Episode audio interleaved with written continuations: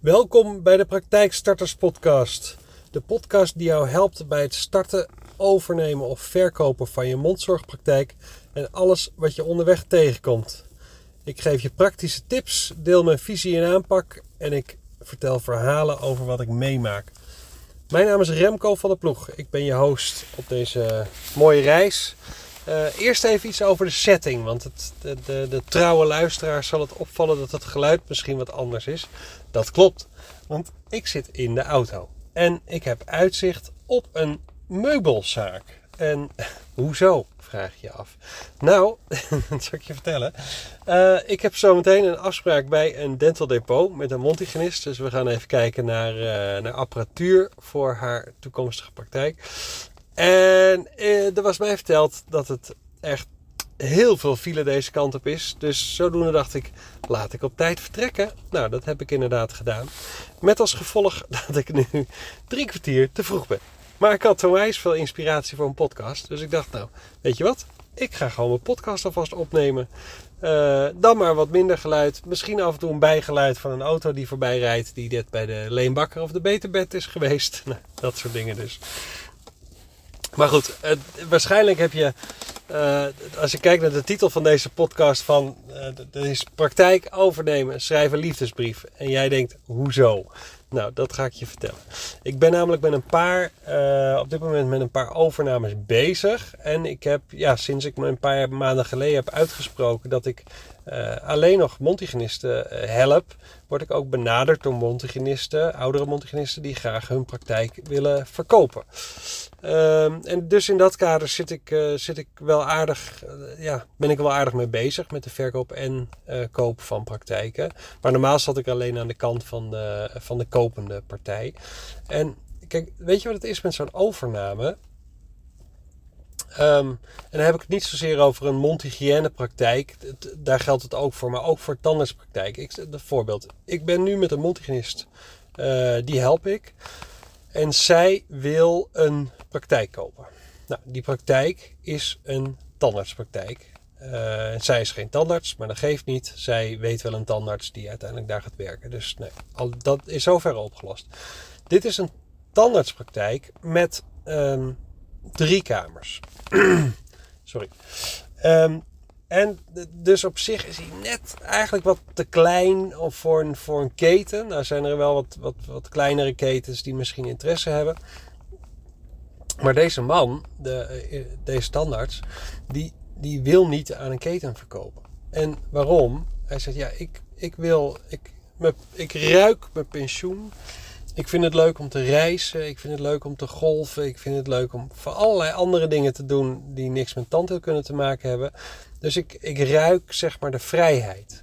En hij is bang, uh, ook omdat hij wat collega's heeft gesproken, dat als hij zich bindt aan een keten, wat hem waarschijnlijk veel meer geld oplevert uh, als hij zijn praktijk aan een keten zou verkopen, uh, als hij zich daaraan bindt, dat hij dan wordt beperkt in zijn vrijheid. Ik heb ook verhalen gehoord dat je, dat je de, de, de koopsom niet direct ontvangt, maar in delen. Dus het wordt achtergesteld. Soms moet je wel twee of drie jaar blijven.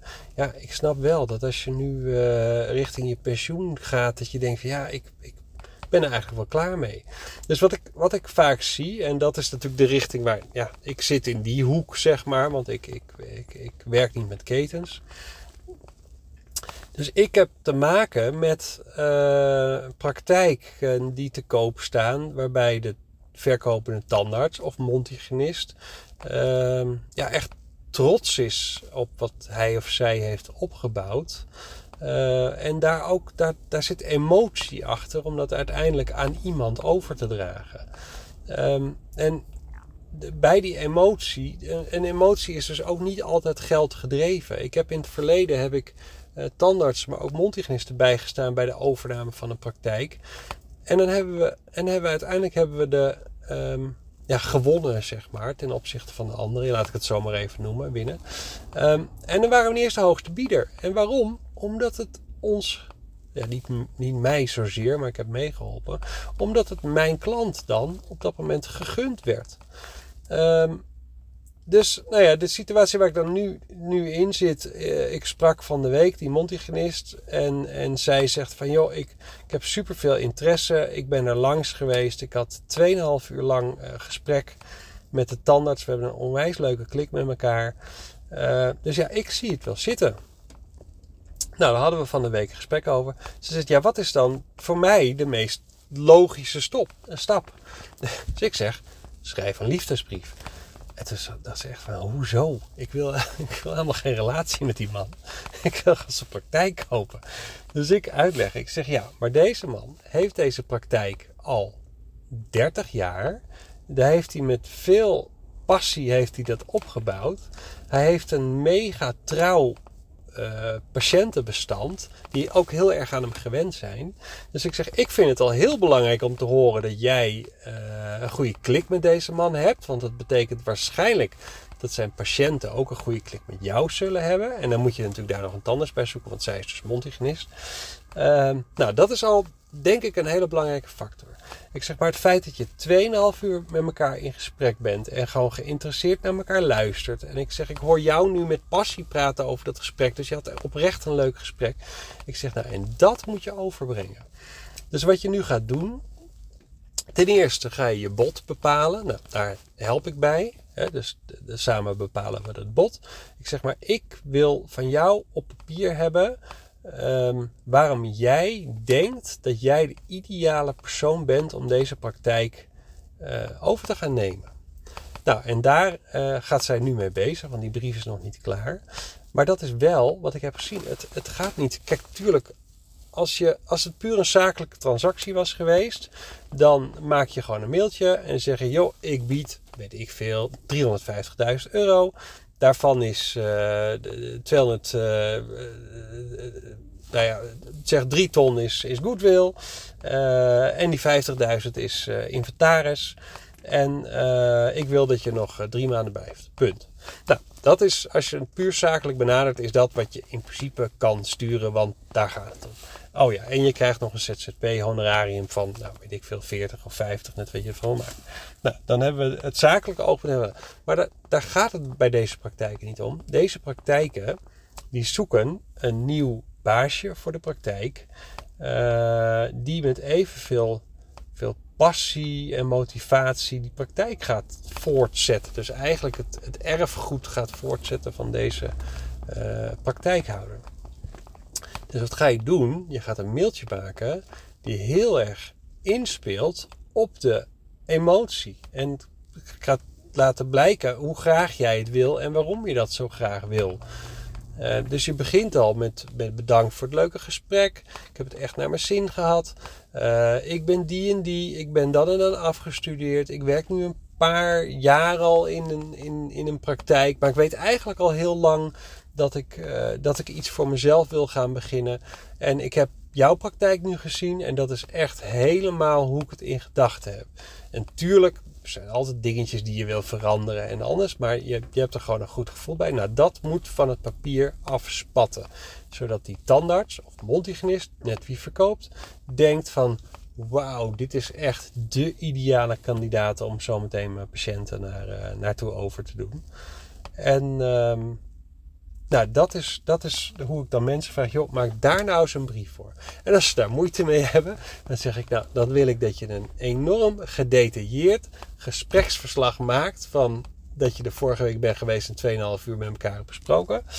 Die stuur je naar mij toe en dan maak ik er een brief van. Nou, en zodoende heb ik al een paar, en daar ben ik dan wel weer trots op, van die soort award-winning brieven gemaakt. Uh, op basis waarvan de verkopende partij zei van... hey, dit klinkt goed, dit is de juiste persoon. Het is misschien niet uh, het hoogste bod wat we binnen hebben... maar het, biedt mij wel de vrijheid die ik wil, want daar speel je ook op in. Je zegt gewoon, joh, we gunnen jou ook gewoon lekker meer vakantie en dit en dat. En um, dus we gaan het doen. En op die manier uh, trek je de gunning naar je toe. Dus liefdesbrieven, daar begint het allemaal mee. Je verklaart je in dit geval zakelijke liefde aan de verkopende tandarts of mondhygiënist. En je gaat uitleggen waarom jij vindt dat je de ideale kandidaat. Ik had het ook sollicitatiebrief kunnen noemen. Maar dat klinkt ook weer zakelijk. Ik vind liefdesbrief veel mooier. Want het, er zit gewoon veel emotie achter. En die emotie mag je, mag je gewoon uitspreken en laten zien. Want dat is, dat is waarom jou straks die praktijk wordt gegund. En ik ben nu met nog een andere uh, mondhygiënist uh, bezig. En die wil inderdaad een mondhygiënepraktijk overnemen. Nou, precies hetzelfde. De verkopende mondhygiënist is, uh, is 67. Die heeft echt een hoop energie en passie erin gestoken om de praktijk op het niveau te krijgen waar die nu zit. Is een solo-praktijk uh, met 800 actieve patiënten. Dus een hartstikke mooi, stabiel patiëntenbestand. En ik heb een andere mondhygiënist, nou, die wil die praktijk overnemen. Dus aan haar heb ik precies hetzelfde gezegd. Schrijf een liefdesbrief. Schrijf, ga op papier zetten waarom jij vindt dat jij de ideale kandidaat bent. Nou, dat was hem. Het is een kort podcastje geworden. Voor mijn doen. Ik zat laatst al een paar keer op 21 minuten. En ik zeg dat ik nu nog niet eens 11 minuten. Nou, maar goed, meer kan ik ook niet zeggen over een, uh, over een liefdesbrief schrijven. Maar dit vond ik wel, dit is echt super belangrijk. Dus hou, de, hou rekening met mensen hun gevoelens. Zeker wanneer er uh, emotie achter zo'n praktijk zit. En zeker wanneer iemand, de praktijkhouder in dit geval, ervoor heeft gekozen om juist niet alleen maar een zakelijke transactie te doen en een keten te verkopen, maar echt op zoek te gaan naar een waardige opvolgster of opvolger voor zijn of haar praktijk.